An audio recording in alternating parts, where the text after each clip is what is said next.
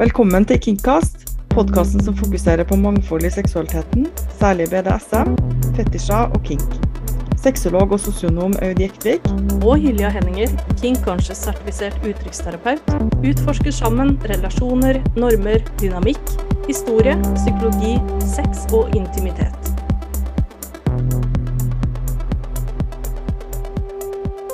Og velkommen til eh, Kingcast. I eh, forrige episode så snakka vi om eh, vampyrfetisj, og i dag så skal vi snakke om sissification.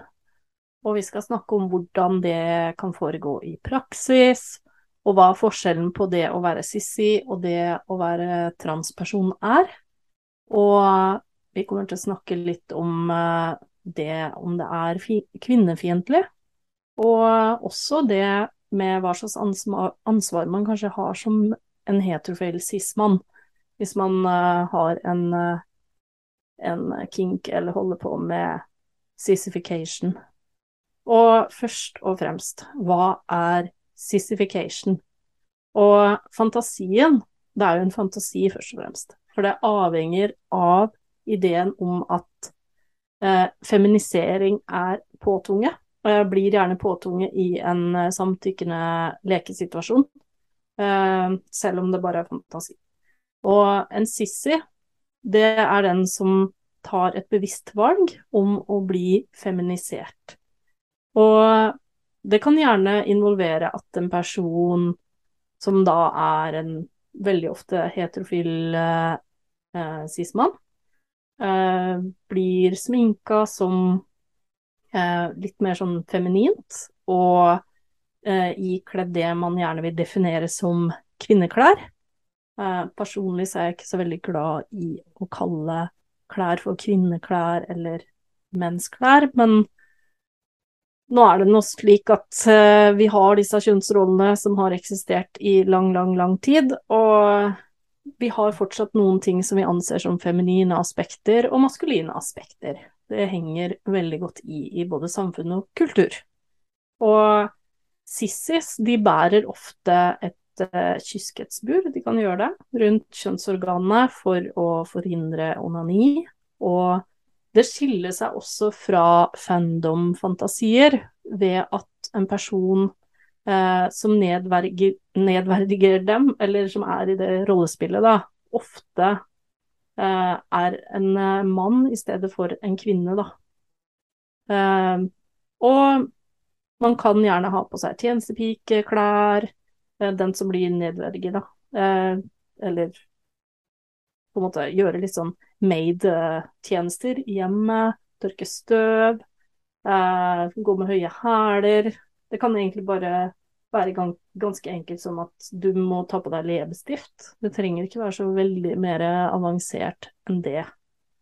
Og det som er veldig viktig når vi skal snakke om sissification, det er å illustrere forskjellen og tydeliggjøre forskjellen da, på det å være sissy og det å være transperson. Det vet jeg du, Aud, har litt å si om. Ja, fordi det kan jo være et visst overlapp, det trenger ikke å være liksom vanntette skott imellom, men det er viktig å være klar over at det å være trans er det å være det kjønnet. Sissification går jo gjerne ut på at man later som, eller man blir tvunget til å ta på seg en rolle eller ta på seg klær som man ikke assosierer med sitt eget kjønn, mens det å være trans er å være det kjønnet. Og at det ligger ganske djupt igjen. Det finnes selvfølgelig transpersoner som har utforska sin identitet og sitt kjønn gjennom sissification. Man har kanskje vært litt redd for å utforske og har følt litt mer trygghet i å bli tvunget til det i begynnelsen i et rollespill. Men uavhengig av hva slags kjønn man har, så er sissification som regel ikke en del av identiteten. Man er ikke en sissy. Um, på samme måte som man er mann, kvinne, ikke-binær eller ikke har kjønn. Det handler ikke om å i gåseøynene bli en kvinne, uh, men at rolla som mann eller rolla som en maskulin brytes ned. Ja, og med det språket som man gjerne bruker i sissification, fordi noen liker jo å kombinere det med ydmyking, så kan det være utfordrende for noen som er kvinne, å ta på seg f.eks. såkalte kvinneklær da, for første gang, og så bli ydmyka. Og ja, du er en skitten liten sissy, og man kanskje bruker skjellsord som assosieres med transpersoner. Og så føler man seg egentlig kjempehjemme og lykkelig, og at det her er riktig. Eh, så man må være var for hva er målet med opplevelsen. Jeg har snakka med flere, flere, dominante kvinner og dominaer som, eh, som opplever det som dypt krenkende å, å, være i en sånn situasjon. Fordi mange av dem sier at eh, det å stå der og, eh, kom, og ydmyke en person, vel merke frivillig, frivillig, men det er en ydmykelsesvek veldig ofte som kommer i når man holder på med sissification. Og kvinnene kvinnenedlatende ord, eh, kalle personen tøs, eh, eh, flyfille Altså alle de negative orda som veldig mange kvinner har hørt gjennom historien, og som har innprenta seg på et veldig sånn negativt vis hos veldig mange. Det kan kjennes veldig vanskelig. Og jeg kan jo forstå det, fordi eh, jeg kan forstå det at noen mener at sissification er kvinnefiendtlig. Men Og det kan jo virkelig tolkes kvinnefiendtlig fordi man bruker det i den formen for ydmykelseslek. Fordi man kanskje kan antyde at det er noe svakt, det er noe patetisk og ydmykende med å opptre som kvinne. Eh, men det trenger jo absolutt ikke å være kvinnefiendtlig om det kommer fra et sted av respekt og ærefrykt for kvinner så trenger det absolutt ikke ha en kvinnefiendtlig rot, eller et fundament som er basert på det å tenke at eh, det feminine er noe svakt. Fordi ja, det er en fraksjon av sissy-kulturen som er ekstremt kvinnefiendtlig. Det, fin det, finner man faktisk i alle, alle typer miljøer, uansett. Uh, men jeg ville ikke stempla hele gruppen som sådan. Uh, jeg tror ikke det handler om at femininitet er nedverdigende eller svakt. Jeg tror det handler om det stikk motsatte. Fordi mange menn de føler jo eh, at de ikke er i stand til å uttrykke femininitet i hverdagen. Eh, fordi femininitet hos menn ofte er noe som samfunnet straffer ved å oppfatte feminine menn som homofile eller mindre mandige. Jeg sjøl har jo vokst opp på bygda, og der er det jo litt sånn at eh, hvis en person, eller en, en, en, som er født mann og uttrykker at den er mann, eh, viser følelser, gråter, eller viser litt sånn mindre det man anser som maskuline trekk, da, så blir du stempla som homo med en gang. Eller rørsuser, som de ofte kaller det. Det er sånn skikkelig stygt. Uh, og, og, det er jo det er en sånn veldig sånn syk del av kulturen vår. Det å på en måte plassere folk inn i en bås, en veldig sånn trang bås for hva et kjønn skal være, og hva kjønnsuttrykket skal omhandle, da. Og det er mange som sier det at uh, at når de holder på med tvungen fem, da, eller holder på med uh, sissification, så gir det dem muligheten til å utforske akkurat de følelsene av femininitet og, og det som er vakkert med å uttrykke det feminine, uten frykt for å bokssettes, sånn som man gjerne gjør i samfunnet. Det gir et rom hvor man bare kan være fri og være hele seg sjøl, med hele følelsesspekteret sitt. Og noen ganger så kan det være ganske vanskelig for kanskje særlig menn å innrømme at de dypest sett ønsker det. Ikke fordi de nødvendigvis syns at femininitet er mindre verdt, men fordi de har blitt lært hele fuckings livet at femininitet hos menn skal unngås. Eh, og det samme gjelder også for kvinner. Vi har blitt lært gjennom hele fuckings livet at det å være feminin, det å gråte, det å være emosjonell, det er noe negativt. Det er, det er noe som på en måte er parallelt med å være svak, og det er fuckings bullshit. Det er stikk motsatt. Fordi de derre følelsene om at man ikke bør være feminin, eller ikke bør være så emosjonell, det stammer fra en sånn urgammel, stinkende, råtten samfunnstro som ser på femininitet som helhet som svak. Men å tillate seg sjøl å utforske sårbarhet og femininitet er faen ikke svakt, det er stikk motsatte. Det er mer sannsynlig knytta til måten som kjønn og kjønnsuttrykk er eh, Altså at det er mer personlig for folk, da, enn hvordan på en måte samfunn og kultur definerer det. Det her handler om mer ditt personlige kjønnsuttrykk, uten at noen skal få lov til å ta det fra deg.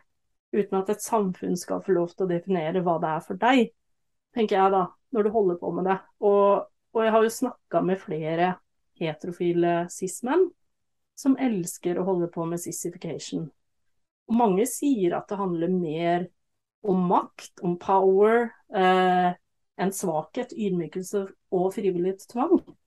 Og de gir opp det gir frivillig opp fra seg det som er en av de mest eh, definerte egenskapene av sitt kjønn, for den dominantes nytelse, og lar den dominante bestemme deres rolle i livet. Og det handler kanskje mer om å underkaste seg sjøl som helhet, enn det å eh, fremtre eller opptre som en kvinne, da. Så du forstår på en måte hvor jeg vil i det her? Ja, det er veldig viktig å ha liksom tunga rett i munnen, fordi at jeg har helt klart møtt mennesker som ønsker å, å leke med sissification. Fordi de har internalisert stigmatisering, at de på en måte ser på femininitet som noe negativt, eller den, de sidene ved seg sjøl som noe negativt, og vil ydmykes for det, og kan ende opp med å få et skikkelig dropp etter leken, fordi at på en måte så har man fått levd ut en rolle eller en del av seg sjøl som man føler seg veldig hjemme i, men så har man fått kjeft og ydmykelse for det, eh, kanskje, som en del av leken. Og så ender man opp med å bare forsterke skammen, da.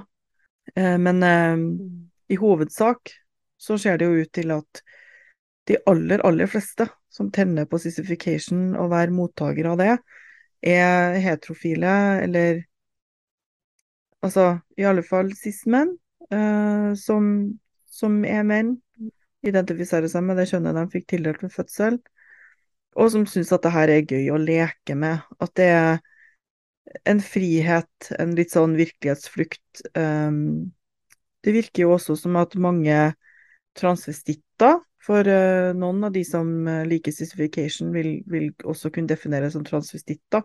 Mennesker som tenner på å kle seg i klærne som er forbundet med et annet kjønn. Det jo, kan handle like mye om respekt for det feminine, at man ser på femininitet som veldig seksuelt og attraktivt, og at man vil omgi seg med det. Man vil ha så mye av det som mulig. Um, mm. Og det tenker jeg jo at det er jo slett ikke negativt eller dumt, det er jo veldig bra. Og at nå har vi på en måte vært litt um, Kanskje litt advarende, men, men, vi ser positivt på sissification, som uh, mange av de andre temaene vi har vært uh, innom.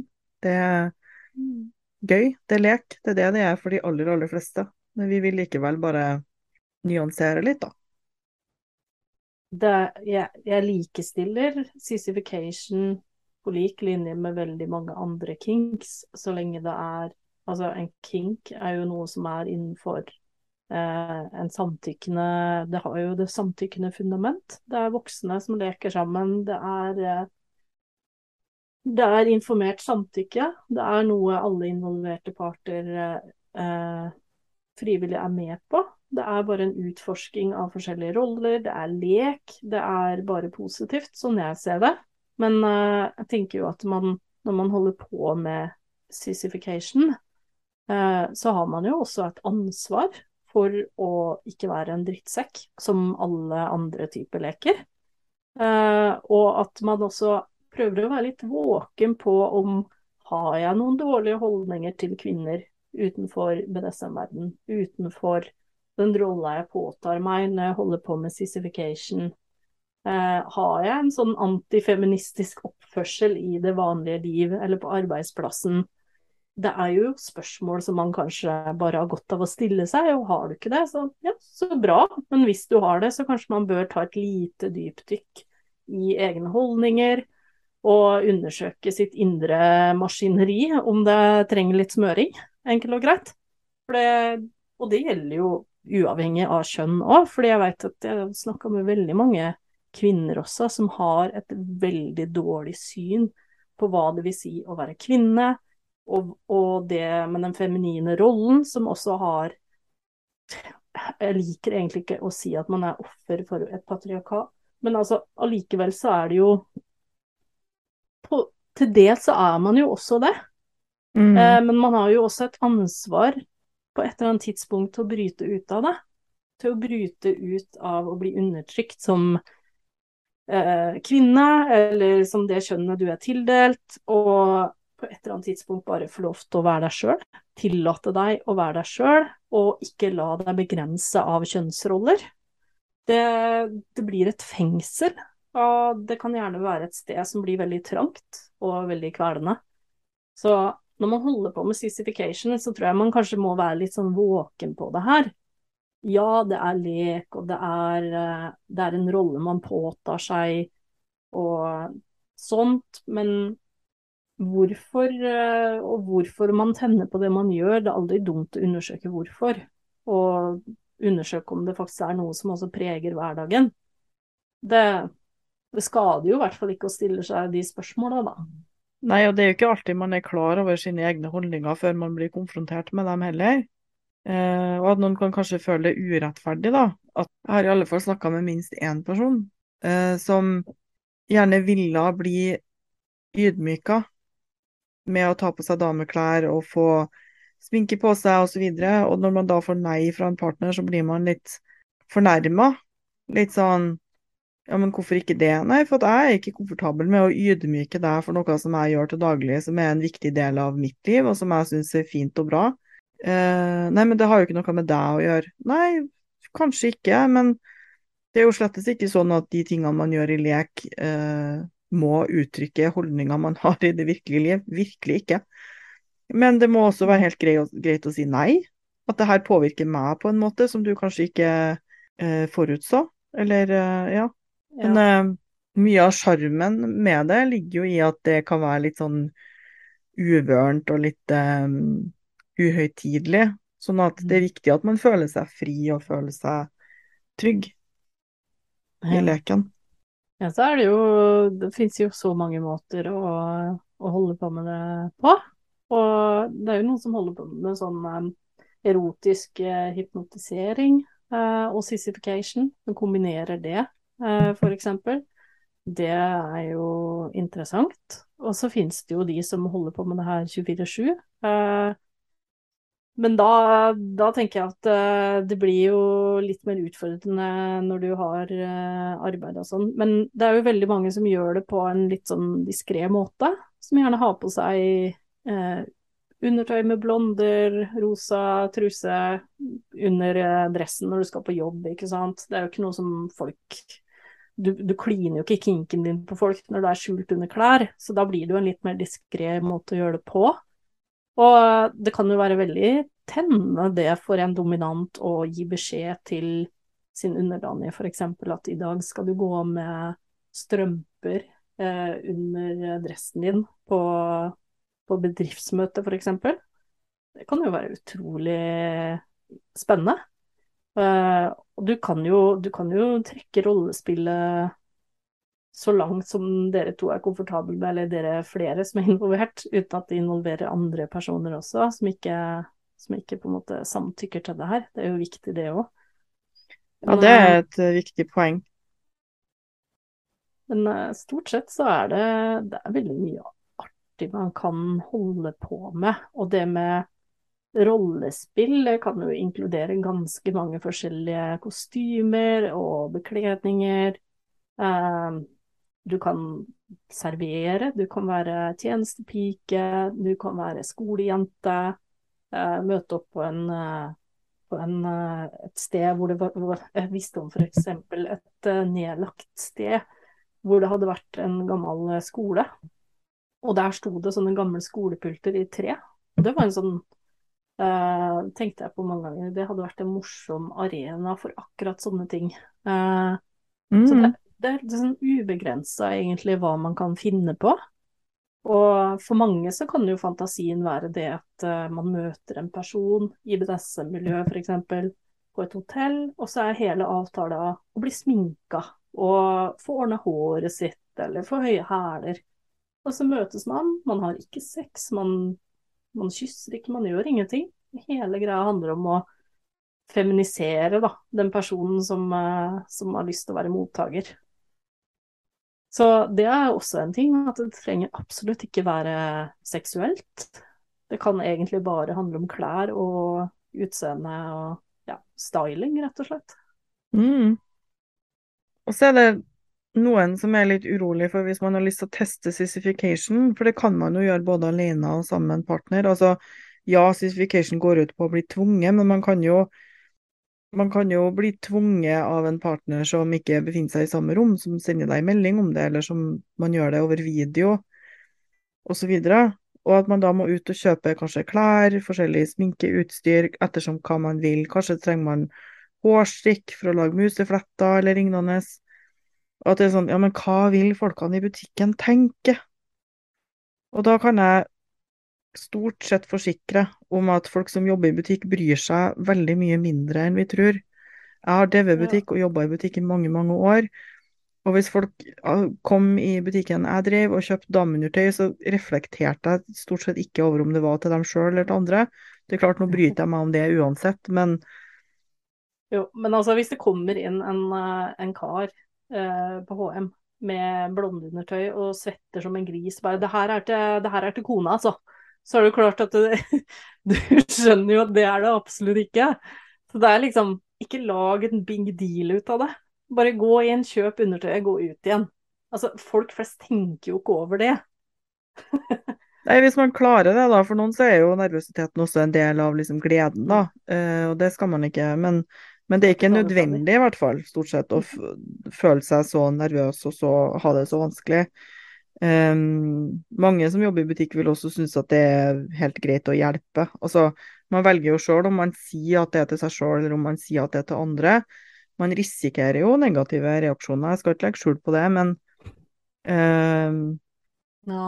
det er jo også en fin linje mellom å inkludere folk i fantasien sin som ikke har samtykka til det, at man f.eks. syns det er opphissende å gå i butikker og si til betjeninga at jeg skal kjøpe meg dameundertøy for å bli ydmyka av en partner. Mm eh, og får glede av det, og på en måte Det her er til meg. Eh, har du noen anbefalinger? Mm. Det kan være forskjell i hvordan man blir mottatt da, men, men uh, ting går, ja, går, fremover også der, og det er blitt tryggere, da. Også mm. å handle klær som man kanskje ikke hadde forventa til seg sjøl. Og så er det jo hva slags budsjett man har, da. Hvis man ikke har mye penger til å kjøpe sånne ting, så anbefaler jeg jo å ikke kjøpe super høykvalitets sminke som koster 1000 kroner for en øyeskyggepalett uh, med en gang. Altså kjøp rimelig sminke på Hennes og Maurits eller på salg på nett. Det er masse som kan handles på nett, både av klær og, og andre ting. Hvis man ikke har lyst til å gå fysisk i butikk. Eh. Og så teste.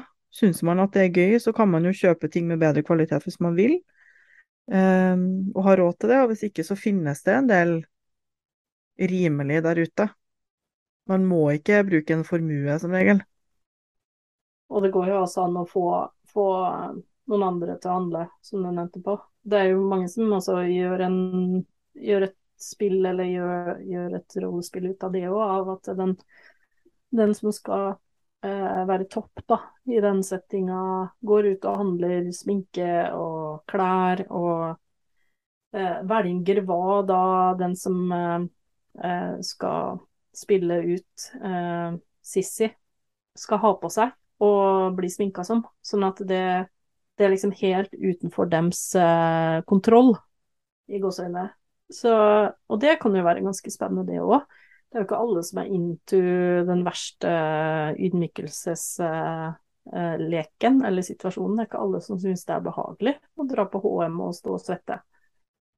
Men Det er jo klart at det er veldig mange sadister som syns det er fantastisk eh, opphissende å se svetten piple på panna til en veldig engstelig Sissy. Jeg skjønner absolutt gleden ved det, altså. Ja, og så kan man jo finne inspirasjon fra så mange plasser. Det kan jo være en partner som ønsker seg noe, og som foreslår, og så kan man vurdere har jeg lyst til å gjøre det her, både som giver og mottaker. Eh, og så kan man få inspirasjon fra porno. Det finnes jo ganske mye porno med sissification som en del av det. Og det kan også kombineres med cuckolding og med, altså med, med ydmykelse, for det må jo ikke være ydmykelse i intensification, som sagt, selv om det er ofte antatt. Um, og det, det, kan kombineres med smertepåføring, eller kanskje offentlig ydmykelse på en fest eller lignende. Så man kan lese noveller, se porno og se er det her noe for meg, og så bare huske på at fordi om man ser en pornofilm og tenker åh, oh, nei, det her var skikkelig turnoff, så kan det jo være bare at nei, jeg syns at de klærne var forferdelig. Jeg ville aldri ha brukt sånne hvis jeg var en sissy, skulle være en sissy. Uh, og at det mm. kan være greit å se på litt ulike ting, da. Og som giver så tenker jeg at det er jo som alltid viktig å være lydhør for hva er mm, målet og intensjonen med leken, uh, og kanskje være litt tålmodig. Fordi det er ikke alle som kan gå i høye hæler med en gang, så hvis man skal drive med trening på det, det er en del av leken, så må man være klar over at det ikke er sikkert at man får det til med en gang. Tror jeg de fleste skjønner, men at man ikke har for høye forventninger, da. Hvis man forventer feminint kroppsspråk, eller at man skal endre språk, eller Ting tar tid. Ja, sant. Det er jo veldig fint å kombinere med en sånn slavetreningssetting, da. Det er, det er jo det som er så greit, at man kan kombinere det med forskjellige ting så kan man jo være under trening. Og da mm. får du jo veiledning underveis. Hvordan man skal opptre, og hvordan man skal snakke, hvordan man skal gå. F.eks. bare det å gå på veldig høye hæler, det kan jo være en utfordring. Og det er jo en ting som man kan gjerne trene med, med sin dominante. Og trene på det å gå med høye hæler. Og det er jo sånn uavhengig om du liker sissification eller ikke, så kan jo det være en veldig sånn sexy setting å trene på. Mm. Så kan man jo kombinere det med litt avstraffelse, for ja, det trenger ikke involvere ydmykelse og, og sånt, men det kan jo også gjøre det. Det kan involvere ydmykelse, og det kan involvere avstraffelse hvis du ikke opptrer på en riktig måte, da. Så da kan du f.eks. Eh, holde på med å trene på å gå på hæler, og hvis du ikke gjør det riktig, så kan, det, så kan du motta en straff etterpå. Eh, og det kan jo bli veldig gøy. Så det kan jo Det finnes jo veldig mange muligheter, og det er jo det som, som egentlig gjør det så fascinerende med hele BDSM-paraplyen, at det er bare det er et spektrum av nesten uendelig av muligheter. Og det er vel kanskje derfor både du og jeg egentlig føler vi aldri også går tom for eh, samtaleevner eh, på Kingkast, fordi det er jo, det er jo tap. Og det, er, det er alltid noe mer å, å, ta av. Alltid. Det er jo det. For en del av gleden med sissification handler jo ofte om bekreftelse. Mange liker å bli beundra som en sissy, og få skryt for sine mer såkalt feminine sider. Det å kunne uttrykke seg på en annen måte og være trygg i det, kan være veldig, veldig gøy. Det å få skryt for at man har sminka seg eller kledd seg pent, at man er søt og snill og hyggelig og grei, tjenestevillig osv. Det er jo ofte sånn at den som er Sissy, er i en underdanig rolle, men sånn må det jo heller ikke være, selv om eh, det er absolutt det som er mest vanlig. Og det er veldig gøy å se noen stråle opp som en Sissy på en fest eller i en annen sammenheng, der man liksom føler seg så fin som man kanskje aldri har fått før, og at det er både noe om at vi kvinner har så mange flere muligheter til å pynte oss, eller andre muligheter til å pynte oss enn menn har, og at det å få lov til å utforske det universet i seg sjøl kan være gøy. Og så er det jo mange sissier som er veldig slutty, og som liker å bli lånt ut til andre når de er i sissy-rollen, som liker å bli skjedd, tatt på. Så det er masse positive aspekter og mye gøy å utforske med sissification. Det er jo bra. Og, og det her er jo et tema som vi Vi har jo fått forespørsler av, uh, av flere på at Og kan dere ikke snakke om sissification? Uh, jeg har vært litt vanskelig å få tak i gjester uh, til akkurat denne episoden her. Alle som skriver, har jo lyst til å høre, men det er også full forståelse for hvorfor man ikke har lyst å oute seg sjøl. fordi det er veldig ofte heterofile menn som, som gjerne ikke er åpne Eh, når det kommer til kinken sin. Eh, og det skal man ha full respekt for. Eh, absolutt. det er jo ikke sånn det er jo ikke sånn at alle er komfortable med det. Men hvis vi har noen som lytter på det her nå, som kanskje syns at det her kunne vært mer spennende å snakke om i en podkast, så må dere gjerne sende en e-post til oss. Vi skal legge ved e-post og kontaktinfo i Facebook-gruppa vår på hvis du googler eh, Facebook og Kinkast, så finner du oss. Og bare trykk like, bare for å gi litt uh, sjølreklame. Men uh, det hadde vært absolutt et tema som vi kunne ha snakka mer om. Nå var det litt mer sånn OK, nå introduserer vi litt hva, hva, er det, hva kan det handle om, hva er det det ikke er, og sånt.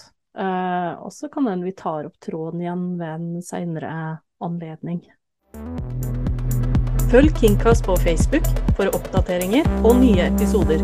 Har du spørsmål eller tilbakemeldinger, send oss en PM. Takk for at du hørte på Kingcast.